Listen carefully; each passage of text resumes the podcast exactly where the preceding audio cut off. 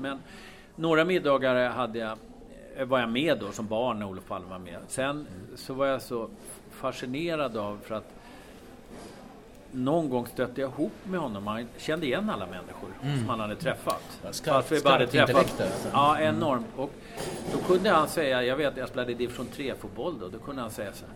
Jaha Thomas, ni förlorade mot Bele igår, det var väl onödigt?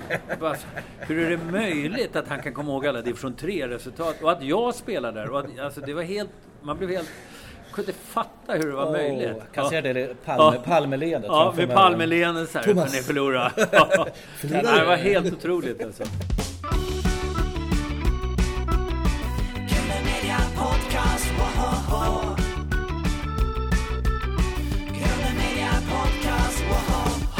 Välkommen Thomas Boström till Grunden Media Podcast med mig Carl-Magnus Eriksson och Och Erik Jensen. Ja. Ja. vi sitter här på Bokmässan. Eh, som går av stapeln i helgen här. Och eh, vi har celebert besök. Det var ju snällt att kalla det för det. Ja, Bra start. det säger vi till alla. Men Ja, jag förstår det. Men jag vill ju gärna tro att det var lite riktigt. Vi menar det. Ja. Vi menar det. Ja, eh, hur är läget med dig idag Thomas? Det är bra. Det är ju bokmässa och det är ju spännande. Det är ju en sån här tradition. Jag tror att det är kanske 15 året i rad jag är här. Och det är extra kul eftersom det har varit eh, lite speciellt med covid nu två år i rad. Ja. Det är tre år sedan det var en riktig bokmässa. Så det är jättekul att vara här. Ja. har du hunnit fynda några böcker och sådär? eller? Nej, jag har inte hunnit vara inne än. Jag kom igår kväll. Så att eh, det börjar idag faktiskt. Då, Det är vissa grejer man ska göra. Man ska kändisspotta Herman Lindqvist, Jan Guillou Ja, just det klarar jag mig faktiskt från. och köpa lite böcker. Ja. Eh, Innan du var här så var du på Mix Megapol. Vill du berätta om det? Ja, alltså jag, var ju, jag är med i Radio Mix Megapol i Stockholm varannan vecka. Men när jag är i Göteborg så dyker jag in här ibland för de har ju en speciell radiostation. Mix Ja. Megapol. jag är en lokal filial liksom. Ja. Och det går väldigt bra. Det, jag tycker de är väldigt duktiga och det är kul att vara med. Ja. Vill du presentera dig själv för lyssnare i vår podcast? Det kan jag göra. Thomas Lennart Bodström heter jag. Och eh, eh, fyllde 60 år i, i våras, vilket känns sjukt för jag känner mig inte alls så gammal. Eh, jag jobbar som advokat, var tidigare politiker och fotbollsspelare. Och framförallt det senare gillar jag att lyfta fram. Ja. Justitieminister har vi också i Ja. CVt Ja. sägs det. Så vi Ja, det stämmer. I sex år. Ja. Och även författare. Så jag är författare också, eh, även om jag inte är heltidsförfattare på något sätt. Utan jag har skrivit, jag har skrivit min 14 bok nu som kommer i oktober. Ja. Du är här och eh, pratar om den då, tänker jag. På. Ja, jag är faktiskt lite mellan två böcker. För jag gav ut en bok efter Bokmässan förra året. Och så kommer den nu i oktober. Så det är lite dålig timing faktiskt. eh, å andra sidan är konkurrensen mördande att ge ut just i Bokmässan. Det är så? Så Just att det kanske inte är eh, så dumt tänkt av, förlaget ändå. Men nu är det som det är. Så att jag ska prata om min tidigare bok, Svart änkan, som är en true crime. Och jag ska prata om den kommande deckaren, Ja. som heter Svart guld. Och det här är mm, ytterligare en del i Motala-serien. Ja. Svart guld är det ja. Ja. Mm. Så det är deckare som jag skrivit tillsammans med en eh, kvinnlig författare som heter Lana Brunell. Ja. Och det handlar om Nina Malm. Just denna det. bok. Polis och... Det, det ska ju alltid vara en huvudperson med om man ska göra en serie så man kan följa henne. Och hon heter Nina, och hon är polis. Eh, och hon är ganska bra men gör också en hel del misstag. Det är ingen eh, stjärnpolis faktiskt.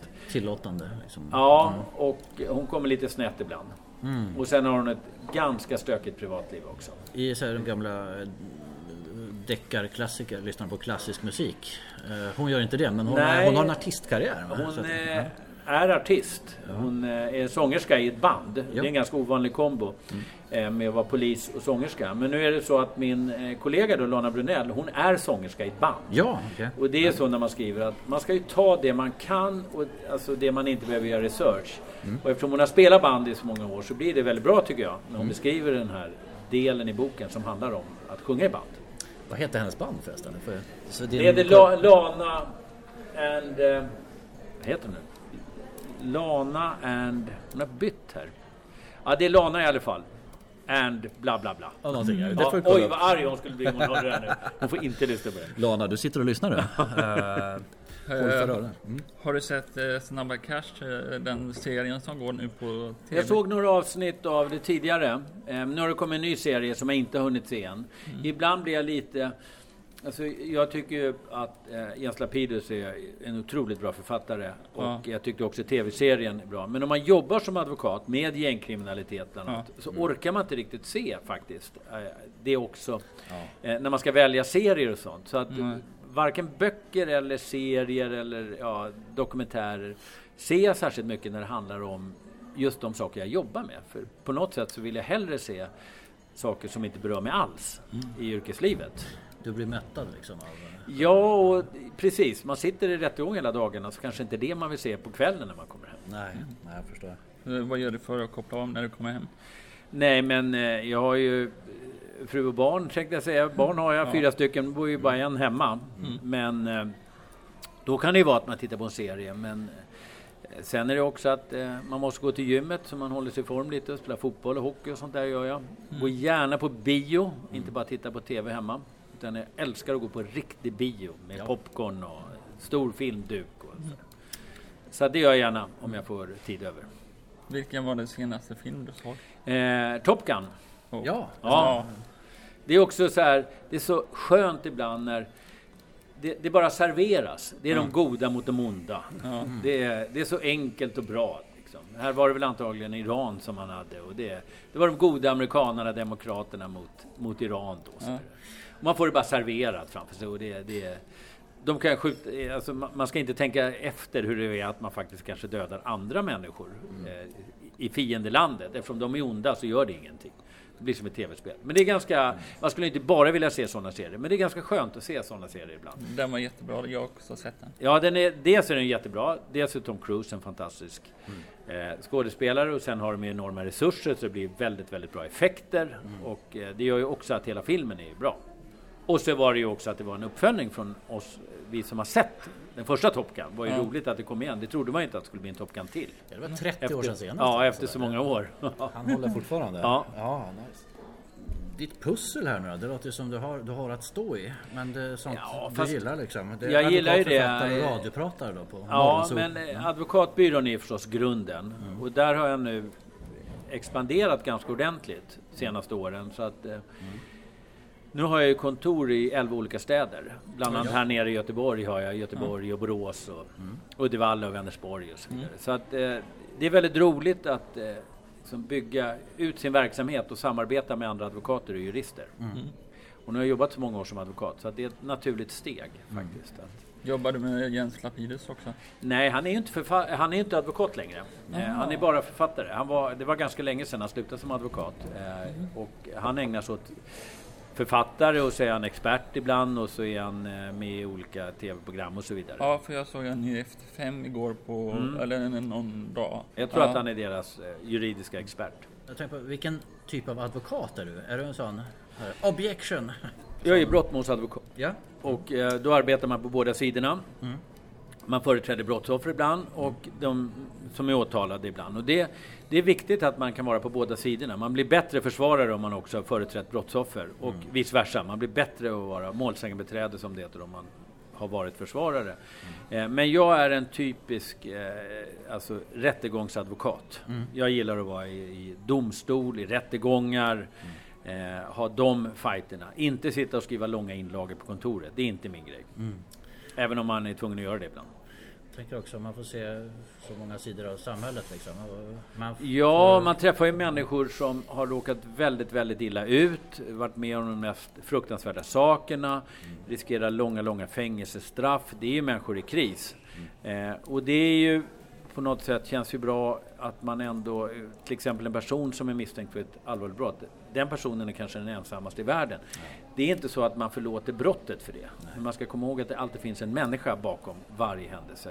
Och hur fruktansvärt brottet än är så är det fortfarande en människa bakom. Hur kopplar man bort en sån här sak om det är tuffa rättsfall? Alltså, Ibland går det nätterna? bra, för det mesta går det bra, men inte alltid. Ibland förföljer det liksom en hem eh, på kvällen och man, det kan påverka sömnen och så vidare, även om man blir bättre med åren.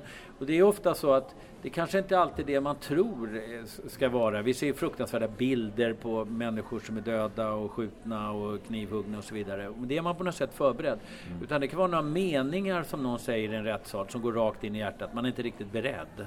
Och det kan påverka en väldigt, väldigt mycket. kan vara till exempel en kille som har blivit utsatt för någon misshandel. Så berättar han bara, nej och då var jag tvungen att sluta att spela fotboll, det som jag älskade mest av allt. Sådana saker kan liksom följa med en. Det känns så otroligt liksom, hemskt att, att det får sådana konsekvenser. På tal om fotboll innan vi börjar med advokatfrågor så träffade jag Mats Lenneby och eh, skulle spela fotboll på Heden. Eh, Vill du berätta om detta? Ja, det är ju en av de absolut roligaste sakerna här på Bokmässan. Det är ju den årliga matchen med författarlandslaget. Aha. Eh, och jag har ju varit med då i många år nu, säkert tio år. Och det är ju fantastiskt kul. Eh, vi, har, vi har mött eh, Norges författarlandslag, vi har mött vad Gais veteranlag, vilket jag hoppas vi inte möter i år för de är väldigt unga och bra. Även om de kallas för veteranlag. Det blir man ju från 35 års ålder så ni fattar att det, det kunde vara en söner. Eh, sen möter vi Gatans lag som är före detta missbrukare som spelar. Det brukar vara härliga matcher också. Så att jag vet faktiskt inte vilka det blev till slut i år. Det har varit många turer fram och tillbaka. Men det spelar inte så stor roll för att jag älskar att vara med i det där laget. Det är roligt att träffa de andra spelarna. Och i år har vi dessutom Torbjörn Nilsson som tränare. Oho, den gamla okej. riktiga legendaren. Ja, Ja, Torbjörn. Nilsson, det Ja. sa Mats Ja. Lenneby igår. Mm, så det är ju stort.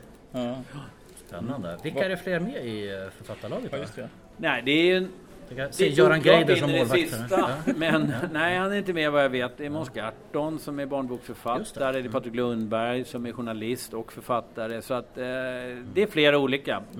Ibland kända, ibland eh, Olof mer. Lund. Olof Lund tror jag inte är med. Ja, det var en tanke. Ja, det vore roligt. Han kan ju mycket om fotboll. Ja. Spännande. Senast vi pratade sånt här var med Lasse Åberg. Det var det TV-laget. Ja, jag förstår. Fanns Ja, det många namedroppar där. ja, ja. Eh, Har du någon förebild inom advokatyrket? Alltså jag, min förebild var ju Claes Borgström. Han Just heter. Och eh, det var ju min, min förebild, mentor, arbetsgivare och kollega. Och han eh, avled ju väldigt tragiskt där i covid för två år sedan. Precis. Så att, eh, men han var min förebild och eh, framförallt mentor då. Att han, han lärde mig väldigt mycket helt enkelt när jag var anställd hos honom. Jag kom direkt från juristlinjen och eh, han var en fantastisk advokat, fantastisk människa också. Jämställdhets... Ja, och sen var han jämställdhetsombudsman ett tag. Och sen så bildade han och jag en advokatbyrå här senare. Efter det. Efter att jag varit justitieminister och han JämO så bildade vi en advokatbyrå. Som jag sen har fortsatt att driva. Men det var min, eh, det var min mentor och förebild. Nu har du sett eh, Djävulens advokat? Ja, jag är lite osäker på om jag sett den faktiskt. Ja. Ja, Men eh, jag, jag har hört om den så mycket så jag blir osäker på om jag sett den eller inte själv. jag kan rekommendera för Ja. den är väldigt bra den Ja. med Mm. Al Pacino tror jag det är. Just det, det är den. Det är där han säger någonting om när domaren börjar ställa frågor, det är nämligen väldigt jobbigt när man är i en rättssal och domaren börjar ställa frågor till olika Ja. vittnen. Och då tror jag att han säger någonting. Ja, om nu eh, domaren ska ta över förhöret så vore jag tacksam om man ställer rätt frågor. Men jag tänkte, hur halkar ni på radiopratandet? Nej, det var så att 2014 blev jag tillfrågad om jag i några veckor i samband med valet skulle kommentera valet. Och det här var ju då 2014, det är ju nu mer än åtta år sedan. Och sen när jag hade varit det så sa de, "Äh, du kan väl vara kvar lite till och lite till. Och så började, blev det för hela säsongen och så blev det en säsong till. Och nu har jag varit med i 16 säsonger, åtta år här. Så att eh, jag tror att jag har varit med längst av alla där, Mix Megapol, av de så kallade gästerna. Sen har ju Gry Forssell har varit med ännu längre. Men det är väldigt kul att vara med. Det är spännande med direktsänd radio.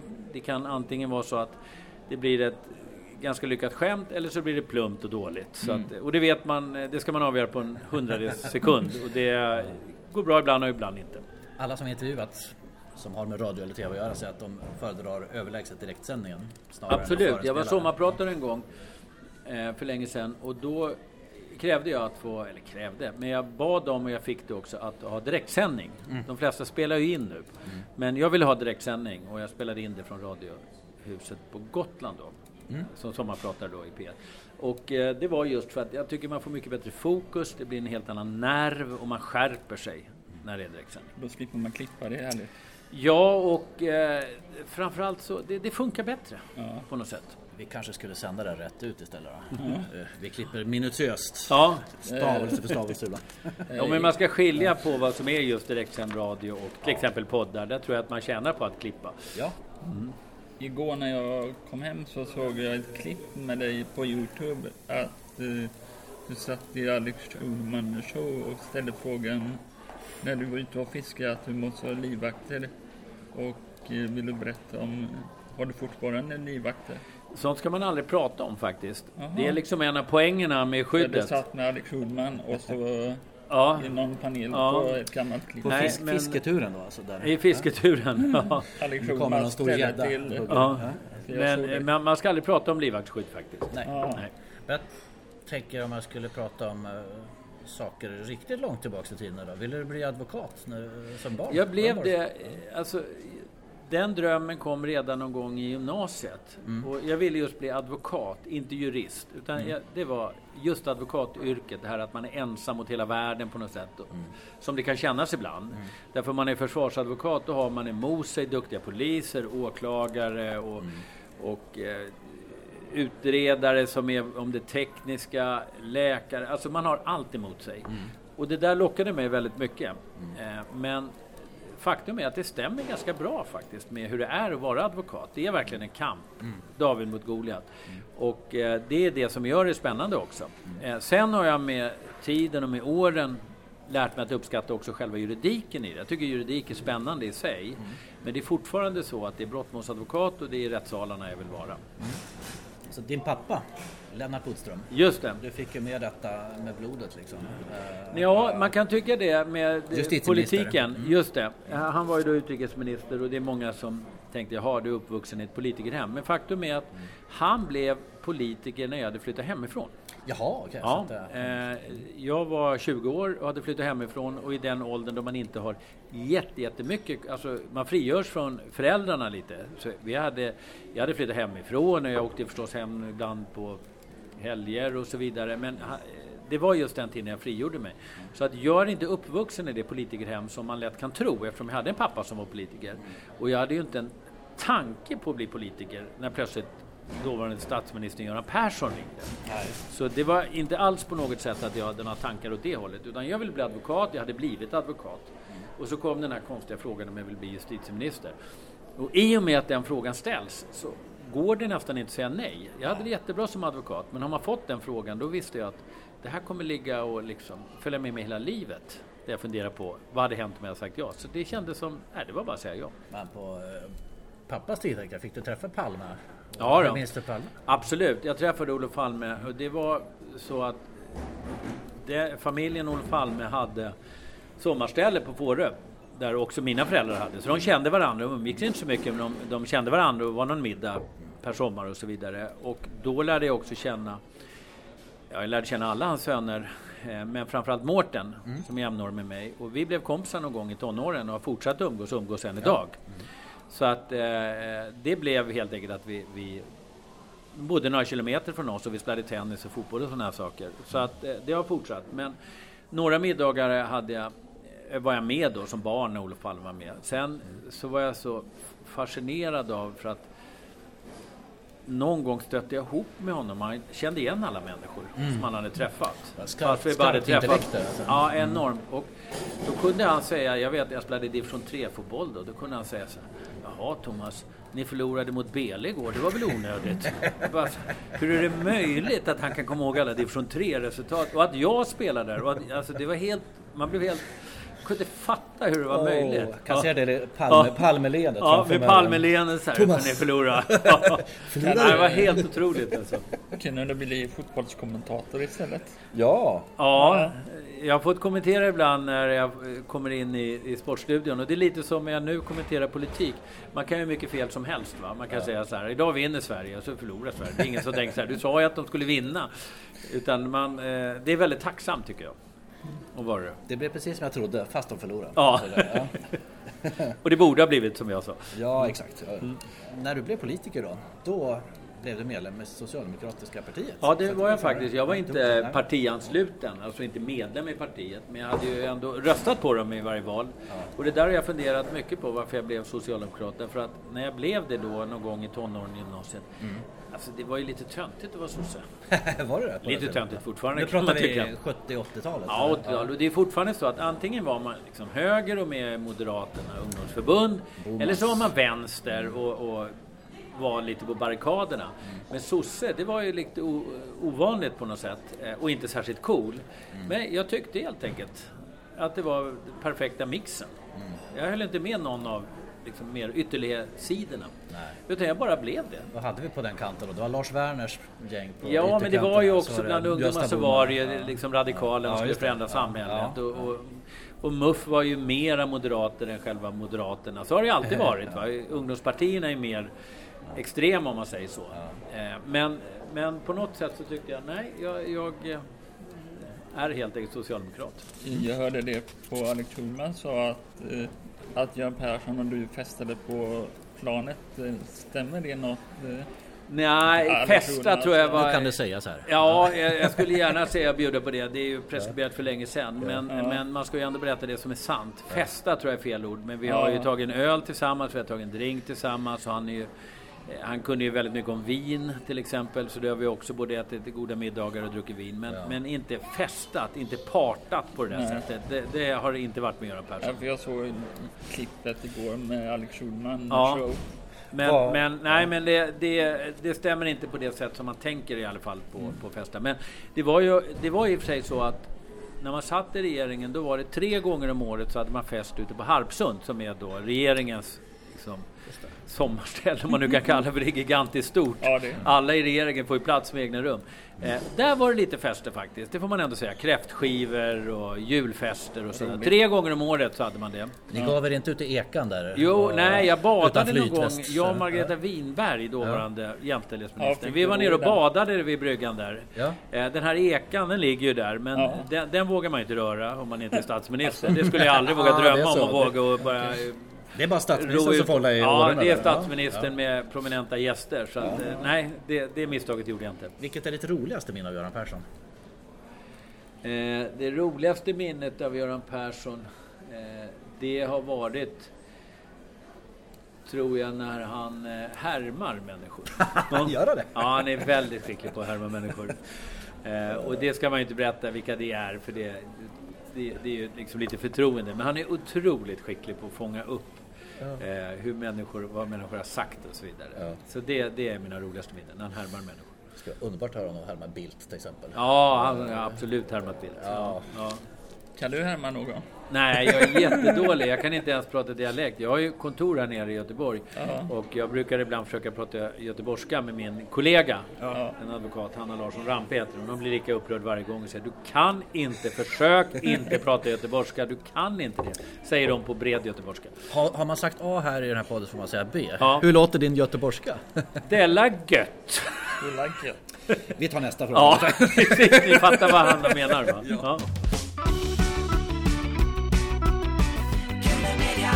Podcast, woho! Media Podcast, woho! Jag har många roliga minnen av Göran Persson. Eh, jag tycker han var... Han var inte någon vidare chef på det sättet att eh, han kom ihåg saker och ting utan han glömde bort och så vidare. Men jag tycker han var en fantastisk politiker. Sveriges bästa politiker sen möjligtvis Olof Palme. Eh, det är enormt liksom, kunnig och intelligent och intressant person. Eh, sen kunde han... Eh, Sen var han väldigt rolig eh, och är väldigt rolig. Ja. Jag känner honom fortfarande. Eh, Och det som var hans specialitet, det var att han kunde säga saker då man inte visste riktigt om man menade allvar eller ja. inte. Va? Kunde Och man det inte var se det väldigt med kul. när han liksom drog örsnibben så här? Nej, han, så här? eh, nej han, han, han ett jävligt skickligt minspel och har det. Ja. Där man inte riktigt vet, skojar han nu eller inte? Och eftersom han ändå var hans chef, Ja. man var ju faktiskt statsminister, så hade man ju ändå respekt. Ja. Sen blev det ju med åren att man lärde känna varandra och blev mer kompisar och så vidare. Men, men jag hade ju en enorm respekt för honom när jag kom in i regeringen. Fantastisk, alltså han har ju fantastisk timing hur han liksom hur han lägger fram saker, berättar saker. Det är Den här Erik Fichtelius dokumentär där. När han berättar om Helmut Kohl när han äter smör. Ja, just det. En. Ja. Och sen hämtar en assiett till. Och så Ja. går rodnader ner i ansiktet. Ja. Fantastiskt Ja. roligt. Ja. I Görans gäng här. Vem var, vad hade ni för olika roller? Så här? Vem var spelevinken? och Vem var retstickan? Vem var det som kom sent och så vidare? Nej, det var nog ganska många som hade lite olika roller. Eh, Nej, det, jag måste tänka efter lite innan jag svarar på sådana saker. Men, men det var som ett, liksom, vilket gäng som helst. Som, som, där man har olika sociala roller. Det var det. Absolut. Men det börjar ligga tillbaka i tiden nu. Som jag säger olika namn så är det många som inte vet vilka de är faktiskt. Hur ser du på valgången och Socialdemokraterna insats? Jag tycker att, eh, eh, om vi börjar med Socialdemokraternas insats, tycker jag att det var eh, illa. Det var ingen bra valrörelse för sossarna. Eh, de gjorde en taktisk stor miss som förlitade sig bara på Magdalena Anderssons popularitet. Hon var ju väldigt duktig som statsminister, men man vinner inte val på partiledares popularitet.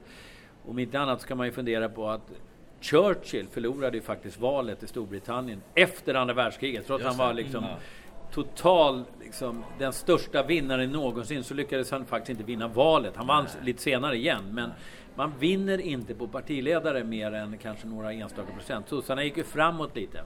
Men jag saknade socialdemokratiska frågor. Man drev ju inte några riktiga frågor. Det fick ju bli motståndarnas frågor i hela valrörelsen. Man lyckades inte ta något initiativ. Så att Socialdemokraterna har en stor läxa framför sig för att man faktiskt tycker jag sjabblade bort det här valet. Jag tror att valrörelsen har varit ganska bakbunden av en, en viss fråga. Kan man känna. Ja, men det, det går att bryta sådana frågor. Ja. Det, men om man går in för att bara "Ja, vi har en så bra statsminister så vi behöver inte presentera så mycket skarpa frågor. Ja, då blir det motståndarens planhalva som man spelade på. Men även där, i kriminalpolitiken som dominerade, så tycker jag att man var väldigt, väldigt eh, svag faktiskt. För att det enda som sades det var fler poliser och högre straff, fler poliser och högre straff. Och det har borgarna sagt i alla tider. Det är ungefär som att säga, vi erkänner att vi har fel hela tiden, ni har haft rätt. Ja. Och dessutom så är det att underskatta. Jag tycker det är en förolämpning mot människor och tro att inte människor fattar mera än fler poliser och högre straff. Det är ju som vi pratade om här tidigare. Alltså många människor kan ju jätte- jättemycket om kriminalpolitik. De lyssnar på poddar, de tittar på serier, de vet vad kronvittnen, anonyma vittnen betyder och så vidare. Och Socialdemokraterna, de borde ha drivit linjen Högre straff kan de aldrig vinna. Och istället för att prata om högre straff skulle jag säga Ni kan ha era straff men om inte folk döms i domstol så spelar det ingen roll. Vi har det här och det här och här för att Just folk det. ska dömas i domstol. De hade världens liksom, chans och tog den inte. Nej. Så att eh, eh, jag tycker att Socialdemokraterna gjorde en riktigt dålig valrörelse faktiskt. Även om Magdalena Andersson var duktig i debatter och så vidare så, så var det ju motståndarnas frågor hela tiden och man lyckades inte bryta det. Så att där är det många som har anledning till självrannsakan. Sen valutgången då, om vi ska prata om den, så ja, vi visste att det skulle bli jämnt. Eh, vi visste att den sida som vinner kommer att få det jobbigt framöver. Det hade definitivt den rödgröna fått också med Centern och Vänsterpartiet. Nu ska det bli väldigt spännande att se hur den borgerliga konstellationen med ett stödparti som är störst. Det är ju väldigt ovanligt att stödpartiet är störst som SD. Hur de ska få ihop det här. Så det ska bli spännande och det är en otroligt stor utmaning för Ulf Kristersson att få ihop det här. Därför att det är också dåliga ekonomiska tider. Är det bra tider då kan man säga så här. Ni får lite här och vi får lite här. Och så delar man liksom på, på godsakerna. Men nu är det tvärtom. Nu ska det sparas. Och vi ska betala en gigantisk höjning av försvarsutgifterna på grund av NATO-medlemskapet. Och det hade varit samma sak för rödgröna. Va? Och elen också. Och elen också, där man har stora problem därför att om man kompenserar människor med till exempel då med stöd för de höga elkostnaderna. Då driver man ju på inflationen och driver man på Just det. inflationen så höjs räntan. Och då blir får människor ännu svårare.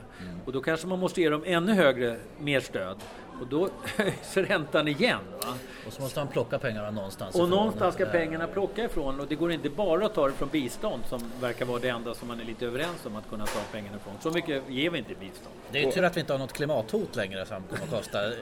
Va- Enligt valrörelsen så är det ju Ja, det obefintligt. Så där kan man det, säkert det är väl det pengar. som jag Ja. känner en oro för egentligen. Ja. För jag tycker inte det är så farligt att... Jag tror att det var bra för Socialdemokraterna faktiskt. Att ska de någon gång förlora val så var det nu.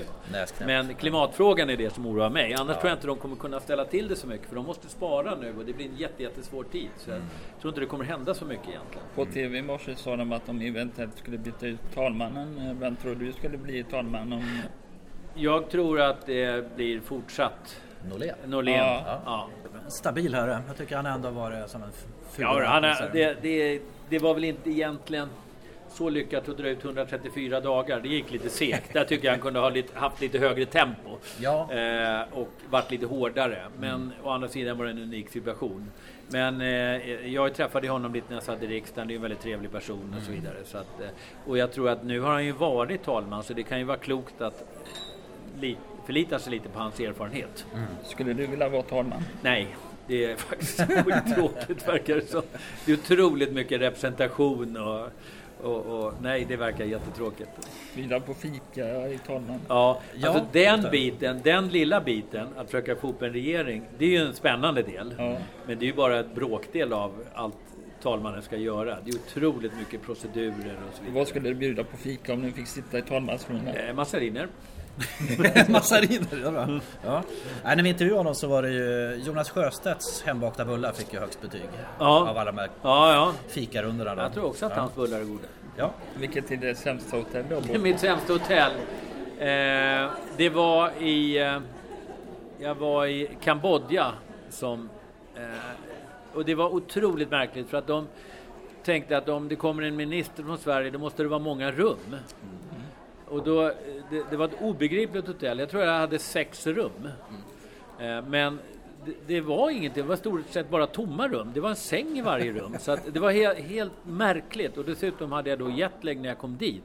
Så jag sov nästan ingenting. Så jag vandrade runt i det här konstiga, konstiga, kala sexrums ho- hotellrummen liksom.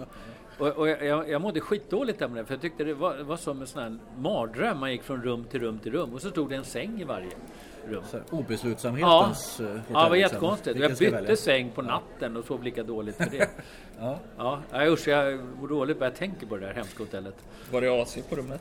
Nej, det var det inte heller. Ingen AC? Det var varmt och det var, ja, det var jätteobehagligt. De skulle tycka att varför jag nu behövde sex rum. Eh, Det, det klar, eh, gjorde det inte, men det var väl antagligen det största hotellrummen så att säga i Kambodja och då tyckte de att det, det skulle jag vara glad för. Jag hade mycket hellre tagit ett rum med AC och där man kan sova. Apropå Sjöstedt där, nu pratar jag ändå Kambodja här. Det är där han bor. Ja, det är det ja. Just det. Jag får inte ihop någon mer koppling. Men han bor Nej, där i nej, alla fall. nej. Hans fru är ambassadör. Just det, ja. Och de blir, blir bullar där då. Ja. Var det någon gång som politiker som du kände, ah, står jag för det här beslutet? Alltså, saken Att är att, ja, liksom. ganska ofta faktiskt. Därför att eh, en regering är som en styrelse, man måste hålla ihop. Och det var ju frågor som inte jag alls tyckte var särskilt roliga att försvara. Och jag tyckte också att vi la ner alldeles för mycket pengar på vägar. Eh, det kostar miljarder och jag tycker pengarna kunde användas till helt andra saker än bara bygga vägar. Eh, som vi gjorde mycket under den tiden när jag satt i regeringen. Eh, men är man med i en regering, en regering har bara en åsikt, då får man stå för det helt enkelt. Man kan inte hålla på och säga så här, äh, skulle jag få bestämma då skulle inte jag bygga den där vägen förbi Uppsala och så vidare. Utan man får stå för det helt enkelt och det är inget konstigt, så är det i varje företag. Men eh, jag tyckte vi var alldeles för fixerade vid vägar. Sen tycker jag också eh, att vi skulle varit mycket hårdare här med friskolorna. Ja, just det. Det är ju inte Socialdemokraterna som har infört det, men de har ju haft många, många, många år, även om man inte haft majoritet, så har kunnat driva den frågan hårdare. För det blev ju inte alls som det var tänkt. Det var ju tänkt att det skulle vara, och det tycker jag var positivt, att man skulle kunna driva sin egen skola med sin egen profil. Inte att det skulle vara stora koncerner som ägde det här. Och den utvecklingen kom ju under Socialdemokraterna, det kan man inte bara skylla på borgarna. Så att det är också, både vad man har gjort saker med, framförallt vad man inte har gjort saker. Vi ser ju effekter där nu när dagen efter valet så gick ju Ja, var så rusar de i höjden. Friskolekoncernernas... Ja, eh, nej, det, och den frågan borde Socialdemokraterna ha drivit i valrörelsen. Nu drev man det istället i våras. ja. Och det var ju totalt fel timing. Då är folk intresserade av hur allsvenskan ska vara och det var väldigt mycket med NATO och Ryssland och helt andra frågor. Den där skulle ha slagit ner som en bomb i valrörelsen. Då hade det blivit en fråga. Men eh, ytterst dålig timing av Socialdemokraterna. Det känns som det finns ett annat korn här att ta med när vi pratar med dig Magdalena. Jag hoppas du lyssnar. Ja, Ja. Men. Ma- Ja. Magdalena gjorde ju en bra insats i valrörelsen. Hon var ju väldigt duktig statsminister i tio månader, så det ska inte vara hennes. Mm. Det är inte hon som har misslyckats, utan det är hela partiets valrörelse. Eh, vad är det bästa med Magdalena Andersson? Att hon eh, är eh, rak och tydlig och inte eh, liksom trasslar in sig i långa förklaringar utan hon säger precis vad hon tycker. Det tycker jag är väldigt bra för att vara statsminister. Vad tänker du när du ser dig själv i gamla debatter och så? Att jag var lite för hetsig ibland. Ja. Att jag skulle tagit det lite lugnare, att jag skulle följa det, det som jag läste någon gång, eh, rådet för amerikanska politiker. Mm. Relax, smile, attack. nu började jag med attack direkt. Ja. Eh, och det blir inte alltid bra eh, när man ser efteråt. Jag avskyr att se mig själv i TV, men när jag någon gång har sett debatter som jag tänkte, det där gick vi bra, och känner shit, det där var inte särskilt bra. Jag var alldeles för ivrig. Jag kan vara så i rättssalen också ibland.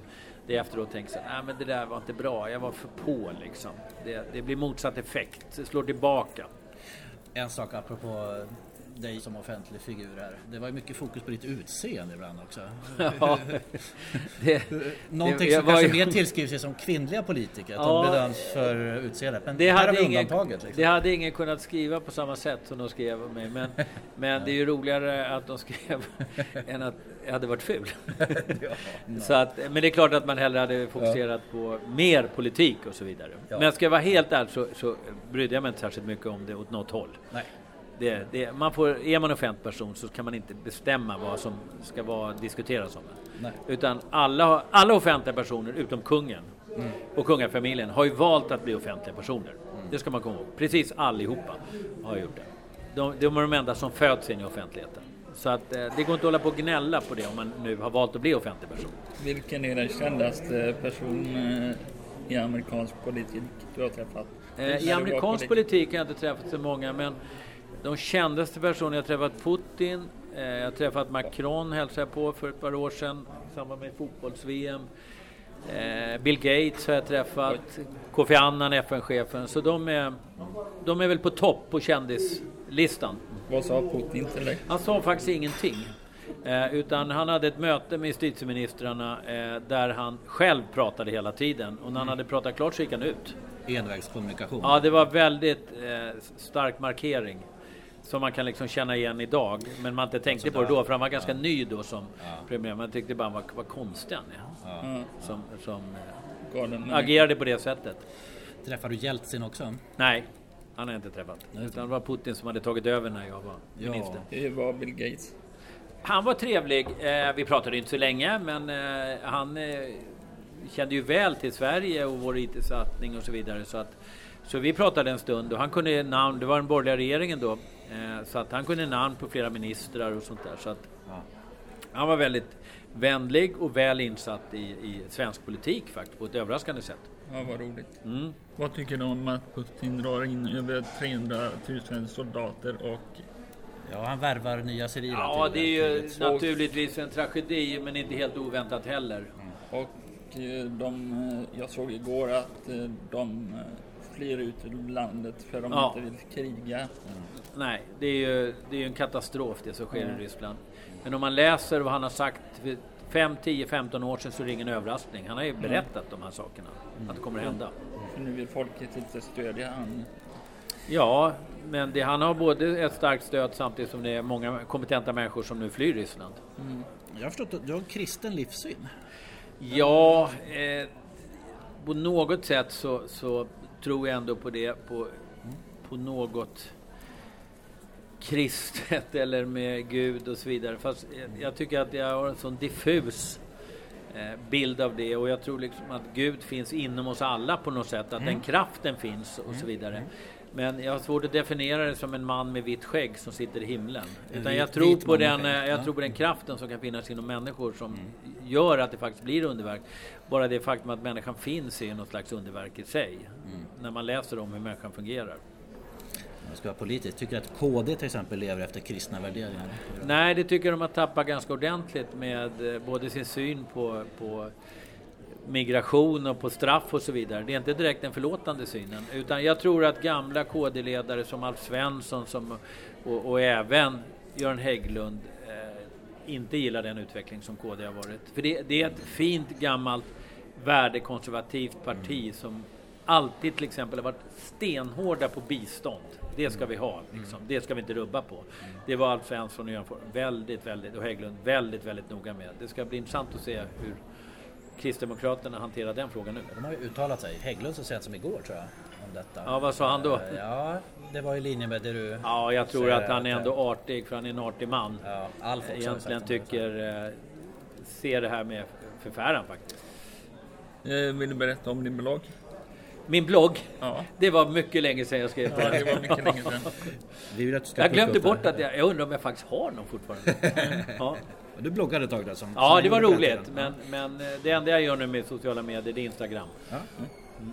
Hur kopplar du av då?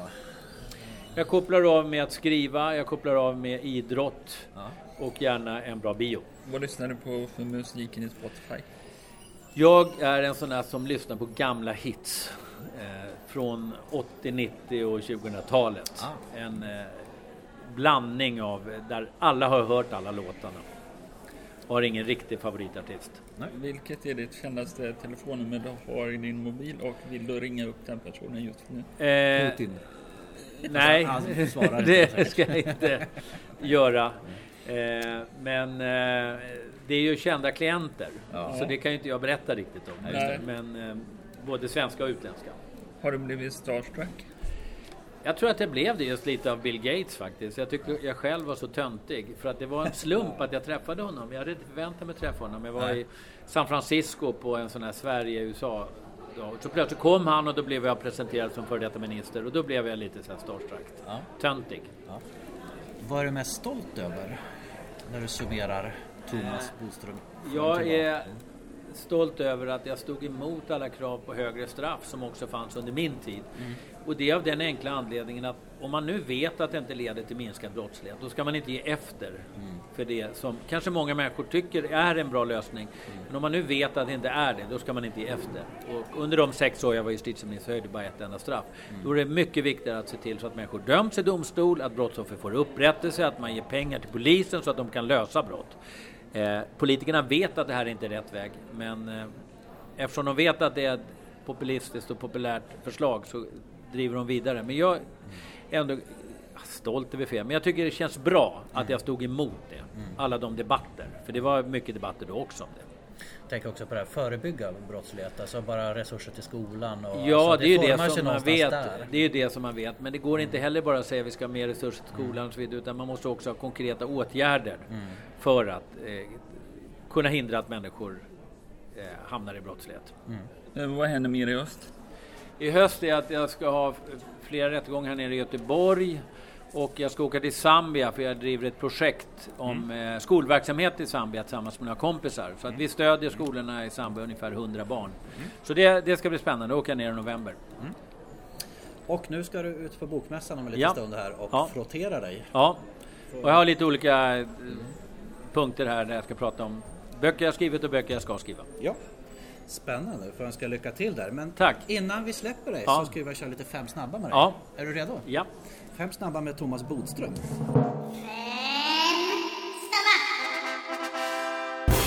Kaffe eller te? kaffe, AIK eller IFK? AIK, Författare eller advokat? advokat, Henning Sjöström eller Pelle Svensson? Henning Sjöström. Nej, Pelle Svensson förresten, jag ändrar mig. Ja, Ja. Man, man får passa också. Ja. Eh, ABBA eller Beatles? Eh, Beatles. Högersosse eller vänstersosse? Mer och mer vänstersosse faktiskt. Det så du drar? Ja. Nicole Kidman eller Alex Schulman? Eh, Nicole Kidman. Tage Erlanders Huker i bänkarna historia eller Göran Perssons dans med Bolibompa Doris? Göran Perssons dans. Ja. Du svarade rätt på alla. ja, Om du skulle få ställa en följdfråga till Ebbot Lundberg, vad skulle du ställa för fråga? den frågan man ska ställa till många. Vad gör du exakt om tio år idag? Mycket bra fråga.